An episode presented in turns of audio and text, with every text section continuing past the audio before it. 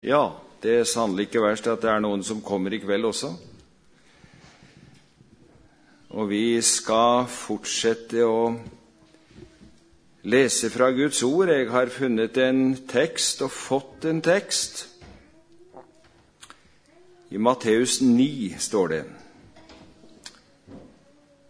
og leser der fra vers 35 i Jesu navn. Og Jesus dro omkring i alle byene og landsbyene. Han lærte i deres synagoger og forkynte evangeliet om riket. Og han helbredet all sykdom og alle plager. Da han så folket, fikk han inderlig medynk med dem for de var herjet og forkomne som får uten hyrde. Da sa han til sine disipler, høsten er stor, men arbeiderne få. Be derfor høstens herre at han vil drive arbeidere ut til sin høst.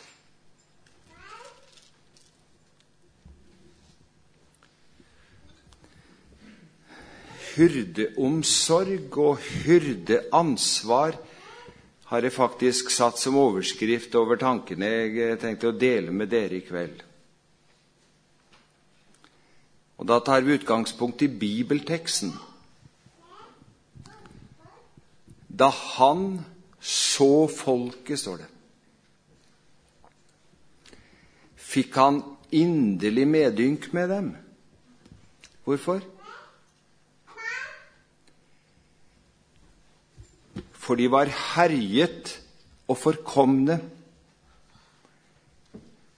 som får uten hyrde. Det var noen som hadde herjet med dem. Derfor var folket forkomne. Derfor var de hjelpeløse. Derfor var de i nød. Men hvilken nød var de kommet i? Det kommer an på øynene som ser. Har du hørt det uttrykket? Det blir i hvert fall sagt når vi har vanskelig for å bli enige om hvilke konsekvenser vi skal trekke av det vi har sett. Vi kunne ha sett akkurat det samme TV-programmet. Eller vi har lest akkurat det samme oppslaget som sto i avisa. Og så møttes vi.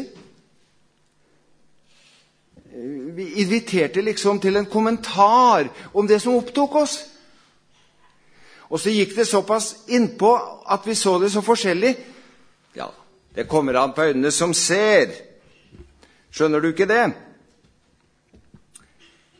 Man vurderer virkeligheten litt annerledes. Man kan være med å fraskrive seg ansvar på den måten. At folket den gangen var hjelpeløse og forkomne, det kunne alle se som vil erkjenne sannheten av det de så. Det var sykdom, det var fattigdom. Det var onde, åndelige ulver som herjet med folk ved siden av den timelige nød. Men når datidens åndelige lederskap, dvs. Si fariseerne og de skriftlærde, når de så på medmenneskene, så kunne de si denne hop som ikke kjenner loven, er forbannet, sa de. Og for en iskald og for en ukjærlig karakteristikk av medmennesker.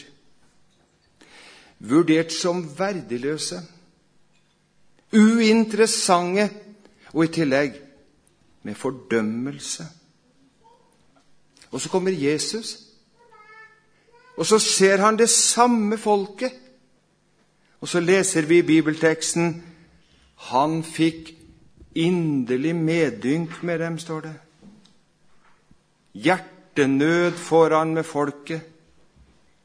Visst ser Jesus forfallet. Han ser lastene. Jesus ser synden. Og samtidig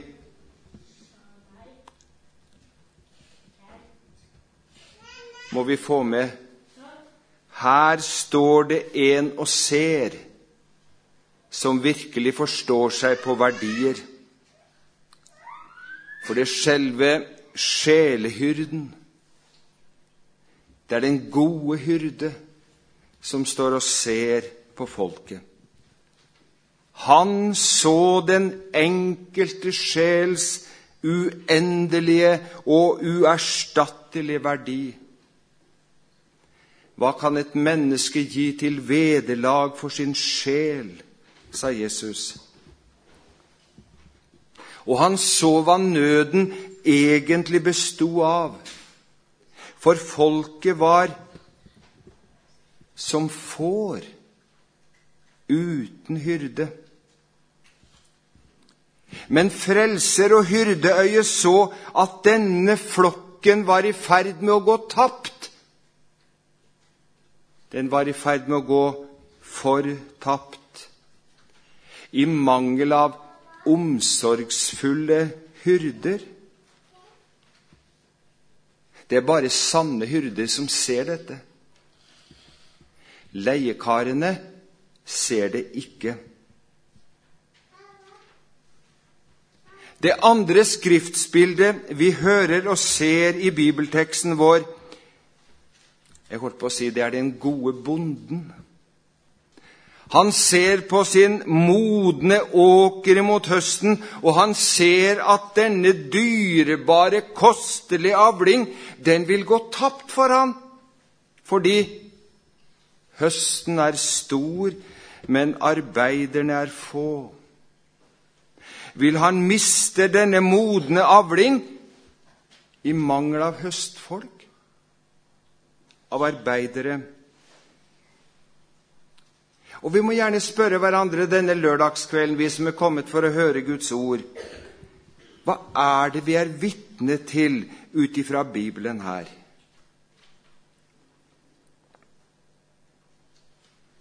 Jeg mener at det er skriftsbilder som er så tydelige at det er ingen av oss som er her, som kan si 'Jeg skjønte egentlig ikke hva som ble sagt'. Mener de ikke er til å misforstå. Vi møter Gud selv i nød og omsorg for mennesket, at det må reddes og frelses. Men kanskje du vil spørre ja, hva har nå disse situasjonsbilder å si oss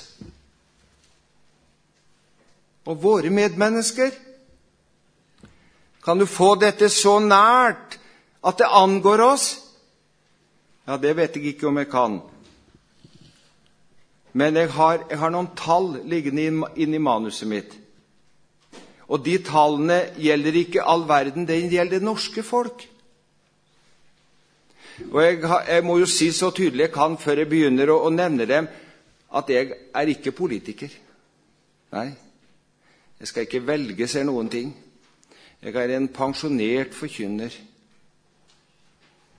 Men allikevel så nevner jeg disse tallene som ligger her. Det står at vi her i landet har ca. 400 000 alkoholikere. Og 500 000 misbrukere. Jo, jeg har opplevd at det er noen som har kommet og sagt er du sikker på at du er rette tall? Ja, ring sentralbyrået og spør. Her i Norge har vi over en million nesten som ligger under for denne forbannelsen for alkohol. Jeg spurte en av guttene til en Knut her om dagen vi satt og spiste om hvordan han syntes fagene på skolen var. Ja, jeg skal ikke si hva han svarte, men han spurte tilbake og sa han, ja, hva syns du var de fineste fagene. sa han. Ja, så sa jeg jo det. Men eh, matematikk likte jeg ikke. Tall likte jeg ikke. Nei. Og det hadde jeg lyst til å si til deg også, at jeg er ikke noen tallkunstner på ingen måte. Men nå skal jeg spørre deg som sitter og hører i kveld. Har du møtt én som ligger under for denne forbannelsen? Alkohol. Vet du hvordan det er i et hjem som er preget av dette? Hvordan tror du det er å være gift med vedkommende? Hvordan tror du det er å være barn i et sånt hjem? Ha vedkommende som nabo eller i arbeidsstokken? Vi har ca.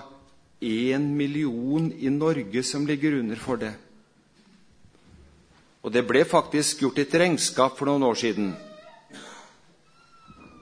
I 2005 så kom det fram et regnskap som sa at alkoholens omkostninger, så langt de kunne regne, kostet 73 milliarder. Alkoholens omkostninger i Norge i 2005. Vi har ca. 50 000 som ligger under for narkotika. Ja, Før var dette et storbyproblem. Nå merker vi det ute på landet, i hjemmene rundt oss. 20 000 ekteskap går i oppløsning hvert år. Vi har ca. 20 000 skilsmissebarn hvert år. Fem, over 50% av det norske folk ønsker aktiv dødshjelp. 15 000 barn drepes hvert år i Norge ved den såkalte selvbestemt abort. Den abortloven ble innført i 1978. Du som er snart til å regne 15 000 barn hvert år. Det er et uhyggelig tall. Hva forteller disse realitetene oss en lørdagskveld på bedehuset? Det forteller meg denne uhyggelige sannhet at mitt folk, det norske folk, holder på å bli et hedensk folk.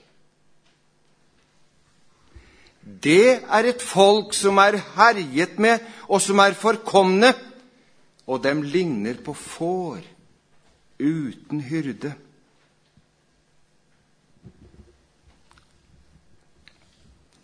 Skal vi spørre hverandre hvor er hyrdene med hyrdesinn i sånne ulvetider?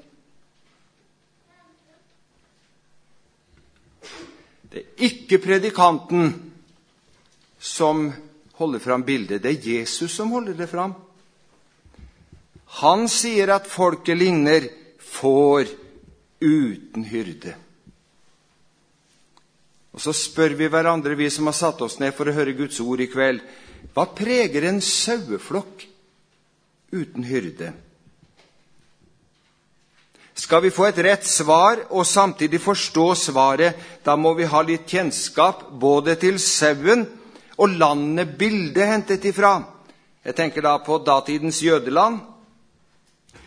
En saueflokks liv og velferd i det landet var uløselig knyttet til hyrden og hans omsorg for flokken. Og vi må si at en saueflokk uten hyrde, det var en utsultet flokk. For hyrdens fremste oppgave det var jo å føre tilsyn med flokken, sånn at sauene fikk mat, nok mat og rett mat. Og vi må forte oss å si sånn er det også med en åndelig hyrde. En åndelig hyrde. Da Jesus overdro ansvaret til Peter ved Tiberiasjøen, kan du lese om i Johannes 21, 15. Da lydde de fra overhyrden selv.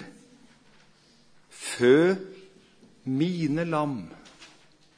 Fø mine lam. Og i hyrdesalmen, i salme 23, her vitner han som var hyrde, og som ble konge. Hvordan det er å bli tatt hånd om av den gode hyrde, og så sier han, 'Herren er min hyrde, meg fattes intet'. Han lar meg ligge i grønne enger, han leder meg til hvilens vann. Hører du det? Varm omsorg, ro, hvile og glad tilfredsstillelse preger den som er overgitt i, i den gode hyrdes omsorg. Du som er en kristen som sitter her nå, med hyrdesinn og hyrdeomsorg, tenker du sånn? At det er avgjørende at folk får rett mat for sin udødelige sjel. Brødet fra himmelen. Er du med å gi dem det? En saueflokk uten hyrde. Det andre jeg må få peke på, det er en adspredd flokk. Til hyrdens omsorgsfunksjon hører det med å ha samling på flokken. Og Derfor sa Jesus videre til Peter der ved Tiberias.: Vokt mine får. I hyrdekapitlet i Det gamle testamentet Ja, jeg må ikke spørre om hvilket, for det vet du. Profeten Esekiel, kapittel 34. Her taler Herren til Israels hyrder. Ja, det står at han taler mot dem. Så sier Herren ved Israels hyrder, som vokter seg selv. Er det ikke jorden hyrdene skal vokte? Det sønderbrutte har dere ikke forbundet, det bortrevne har dere ikke ført tilbake, og det fortapte har dere ikke oppsøkt. Og årsaken til dette forfall, hva er det? Slik ble de spredt fordi de ikke hadde noen hyrde, sier Herren. Og Så spør vi hverandre, vi nå som sitter og hører, hvordan er den situasjonen i dag? Hvilken omsorg utøves det overfor flokken av medmennesker i dag? Jo, jeg vet at dette er et personlig og det er et påtrengende spørsmål. Det må ikke adresseres til sidemannen nå. Jeg vet at det er så altfor lett å svare med Kain. Du vet, Han fikk et sånt spørsmål. Det finner du i Første Mosebok, kapittel 4, vers 9. Hvor er bror din? sa Herren. Hvor er Abel? Hva svarte Kain? Skal jeg være min brors vokter? Mener du at jeg har hyrdeansvar? Jeg vil være varsom. Jeg vil være varsom med å felle dommer. Jeg vil ikke være med å legge steiner til en byrde som for noen er allerede tung å bære. Jeg har sjøl vært betrodd hyrdeansvar. Det er ikke mitt anleggende å skal legge steiner til byrden. Jeg har et inntrykk av at det er mange flokker og vennesamfunn som er adspredt. Mange som en gang var aktive og varme. Noen er kommet på avstand fra flokken og fellesskapet. Jeg vet ikke om den situasjonsbeskrivelsen jeg snakker om nå, rammer noen i Namdalen. Så godt kjent er jeg ikke. I Finnmark hadde de et uttrykk, de brukte det i hvert fall i gamle dager. Den reinen som går aleine, sa dem, han blir tatt av ulven. Å være i flokken, det var en beskyttelse nærmest mot ulven. Han angrep sjelden friske reinsflokker, ble det sagt. Men han fulgte dem på avstand. Og bare nærheten av at ulven var der, det drev flokken. Og så var han opptatt om det var skadde og syke dyr. Den ble liggende etter. Den var et lett bytte for ulven. Legg du merke til hva Jesus sier i hyrdekapitlet i Det nye testamentet? Det er det tiende kapittelet hos Johannes. Der sier han ulven røver dem og jager dem ifra hverandre. Den kristen som befinner seg langt ifra flokken De hellige samfunn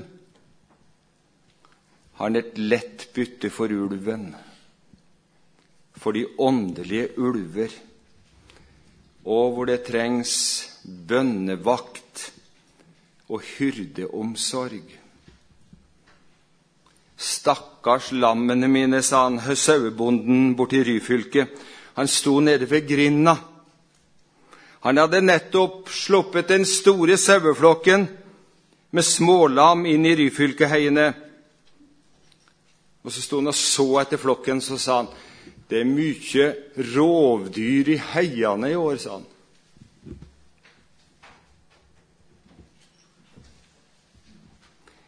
De vil splitte i flokkene. De vil skade, de vil drepe. Og hvor vi trenger hyrder med rett nød og omsorg. I dag En dag tror jeg det vil lyde til oss som til Israels hyrder. Så sier Herren, Israels Gud, se, jeg kommer over hyrdene og jeg vil kreve min jord av deres hånd og la dem slutte å vokte jorden. Herjet og forkommen som får uten hyrde. Jeg spør deg igjen ser du noe av den situasjonen, du som sitter og hører nå?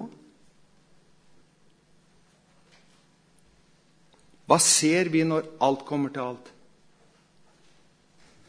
Eller for å spørre kanskje mer presist Hvordan ser du på medmenneskene? Ja, du. Hvordan ser du på dem? Er det dommerblikket? Jeg holdt på å si er det fariserblikket? Eller er det hyrdeblikket som preger deg?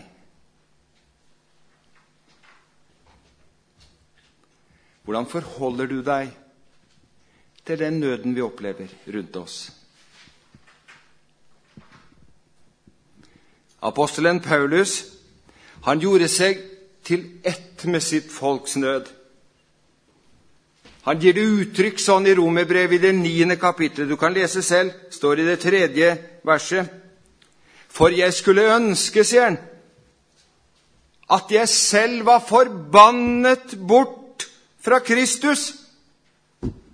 For mine brødre, mine frender etter kjødet, de er jo israelitter. Dem tilhører barnekåret, herligheten, paktene, lovgivningen, gudstjenesten, løftene. Alt dette tilhører dem. Moses ja, det har virkelig vært grunn til å snakke om Moses. Og for en person! Han ble utvalgt. Ja. I en tid dere, hvor det var innført Jeg holdt nesten på å si abortlov. Drep alle guttebarn, lydde det til jordmora som satt i jordmorstolen. Så står det om noen som fryktet Herren mer enn farao. Ja, det var sånn eh, Moses ble reddet. Der ble han lagt i kurven. Og Så ble han funnet av prinsessa. Og så fikk han datidens beste utdannelse. Han skulle bli farao Moses. Men Herren hadde en annen plan for han. Ja. Han skulle oppdra han med virkelig universitetsutdannelse, og han lar han være i ørkenen i 40 år som sauegjeter. Skal si det, Han fikk en grundig oppdragelse. For neste 40 år skulle han være leder for folket sitt. Og så er det Herren som bruker han og fører folket ut av trellekåret. Fører dem igjennom havet, fører dem inn til Sinai, og han stiger opp og møter Gud. Hva møter han når han kommer tilbake? Han møter et folk. Jeg holdt på å si at de har funnet olje. Nei, de har støpt en gullkalv. Og de danser rundt gullkalven. Da ber Moses denne bønna. Du kan lete opp. Det står i 2. Mosebok kapittel 32, vers 32. Og om du vil forlate dem deres synd, men hvis ikke, så stryk meg ut av din bok som du har skrevet meg i. Her møter vi hyrdeomsorg i praksis, folk. Det er meningsløst å være frelst når mitt folk står utenfor syndsforlatelsens rike. Og Vi har sunget det denne uka, og vi skal synge det i kveld også, sånn som sangen sier det. Gi meg ditt ømme frelsersinn for slektens sorg og harm. Lukk meg i dine smerter inn og gjør meg sterk og varm, og hjelp meg å skue med ditt blikk. Hemmeligheten med å se med den nød som Jesus gjorde, det tror jeg ligger gjemt i sannheten og blir lukket inn i Jesus' smerter for folket. Hyrdesinn og hyrdeblikk utnevnes vi ikke til.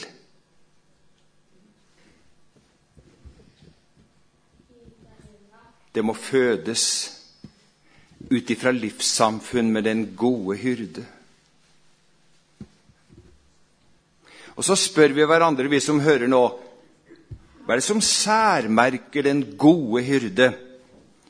Og skiller han ifra en som er veldig lik han? Det naturlige øyet tar er ikke nemlig og skiller ikke. Nei, det er han som er kalt for leiekar, leiesvenn. Det er én ting, sier Jesus, som avdekker dette forholdet. Johannes 10, 12 og 13. Den som ikke eier fårene, forlater fårene og flykter når han ser ulven komme.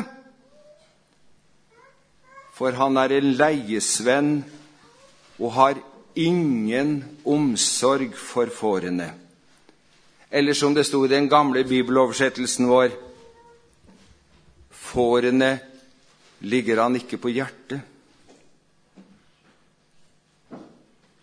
Den gode hyrde, han setter sitt liv til for fårene. Hvorfor? Fordi fårene ligger han på hjertet. Fårenes nød er et hjerteanliggende for den rette og den sanne hyrde.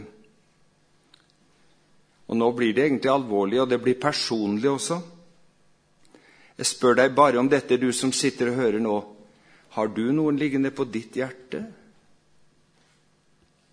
Du, har du noen liggende på ditt hjerte? I den spørsmålsstillingen ligger det et enten-eller, nemlig. Er du leiekar, eller er du hyrde? Du kommer deg ikke unna spørsmålet ved å se deg omkring og se om den og den er her nå og hører dette. Det er deg nå det er spørsmål om.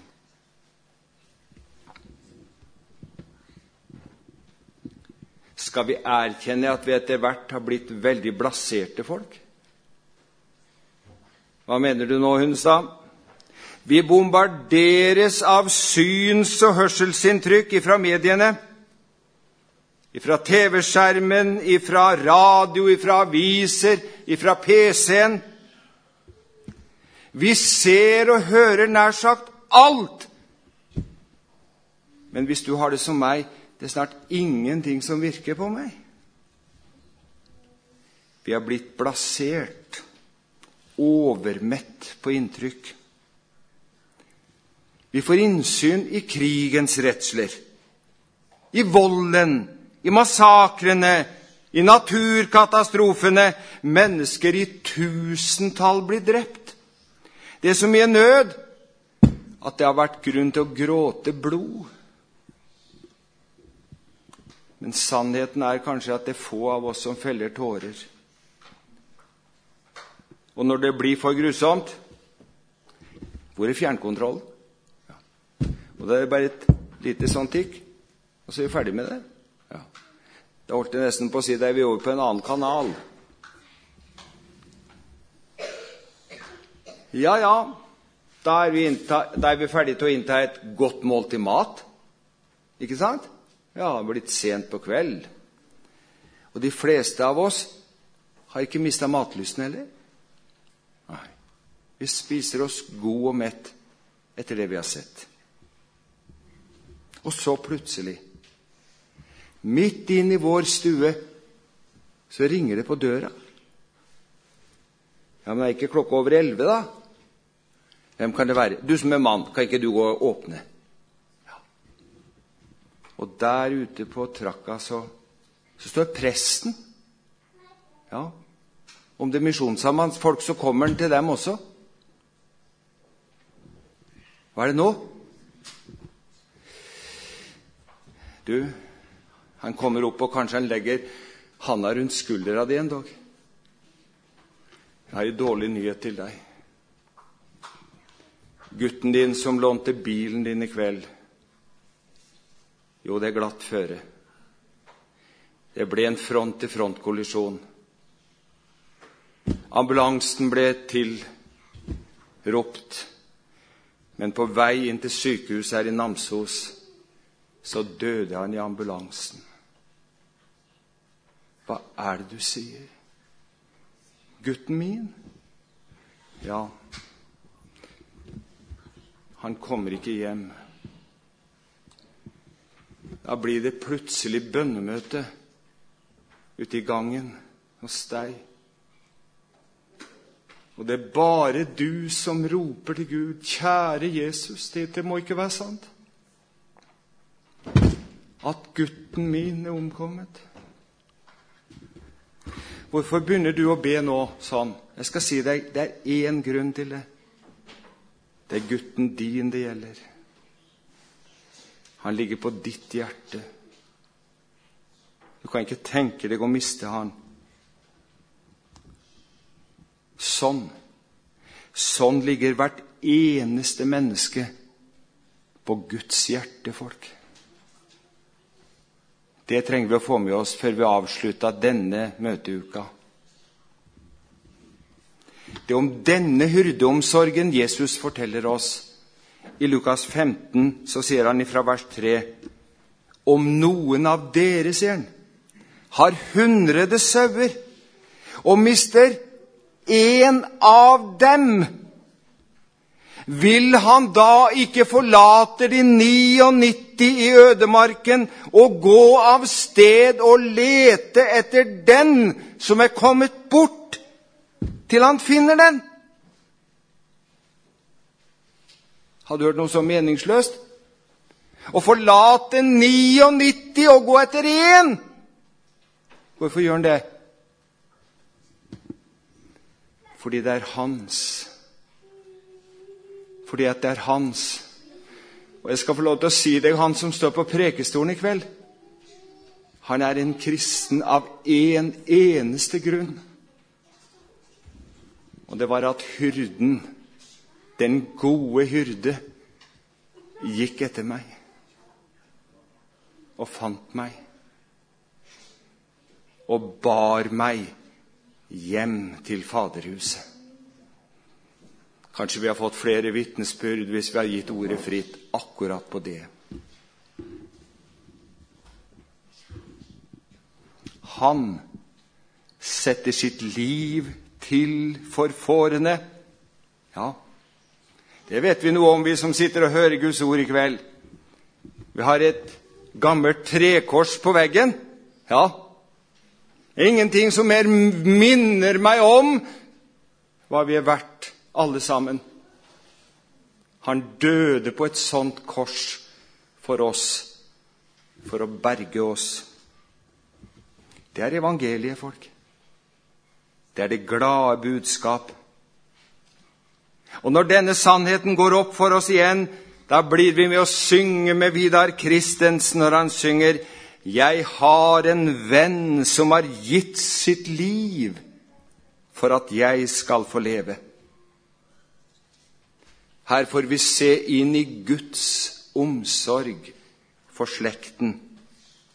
Her ifra Golgata-korset, på denne høyden, så lydde det første gangen til en bedende synder. Og det er like aktuelt i dag. Han har ikke forandret seg, han som hang der på korset. Og så sier han, 'Sannelig dag skal du bli med til paradis'. Det var den gode hyrden som sa det. Det var hyrdehanna som grep han, og denne gode hyrdehanna, folk, den er fortsatt i virksomhet. Vil du la det gripe, du som er her i kveld? Av denne hyrdehanna? Trygve Bjerkrem han synger så fint om dette i sangen, og så sier han «Eg stend og ser på ei nagla han, sier han. Min frelser det var for meg, og difor ikke jeg anna kan enn tilbe og elska deg. Og til slutt Hva ser Jesus i dag når han ser på vårt folk? Da tror jeg han ser på et folk som strever for å få det godt men ikke med Gud. Et folk som i livets store regnestykke ikke regner med Jesus, men lik den rike bonden er i ferd med å gå fortapt.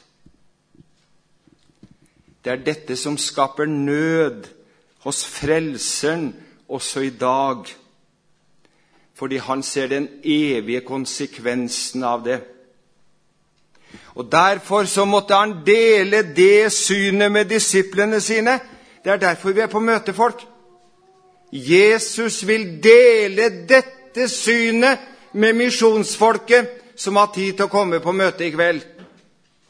Og så spør han deg, vil du være med og berge fortapte får ifra villdyr og villmark? Da er det ett spørsmål har du hyrdeblikk og hyrdesyn og sinn. Vil du være med å berge kostbart korn ifra høstmarken? Ser du markene som vitner mot høst? Vil du være med? I forbønn, i tjeneste, i offer å redde mennesket for himmelen. er det det står om. Da spørres det etter misjonssinn. Og denne utfordringen apostelen Paulus svarer på når han hadde referert dette for oss i det niende kapittelet i Romerbrevet, så går han over og så begynner han Romerbrevet ti sånn, og så sier han, brødre, mitt hjerte hjertes ønske og min bønn til Gud for dem er at de må bli frelst. Da har nøden og gløden for medmennesker blitt en hjertesak. Da er strategien enkel at de må bli frelst. At de må bli frelst. Kjære Jesus, vil du enda en gang ta deg av oss? Vil du enda en gang røre ved oss, vi som har gått her disse kveldene også? Du som kjenner oss så godt. Vil du vekke oss opp, Herre? Vi ber om det. Vi ber om det i ditt navn. Amen.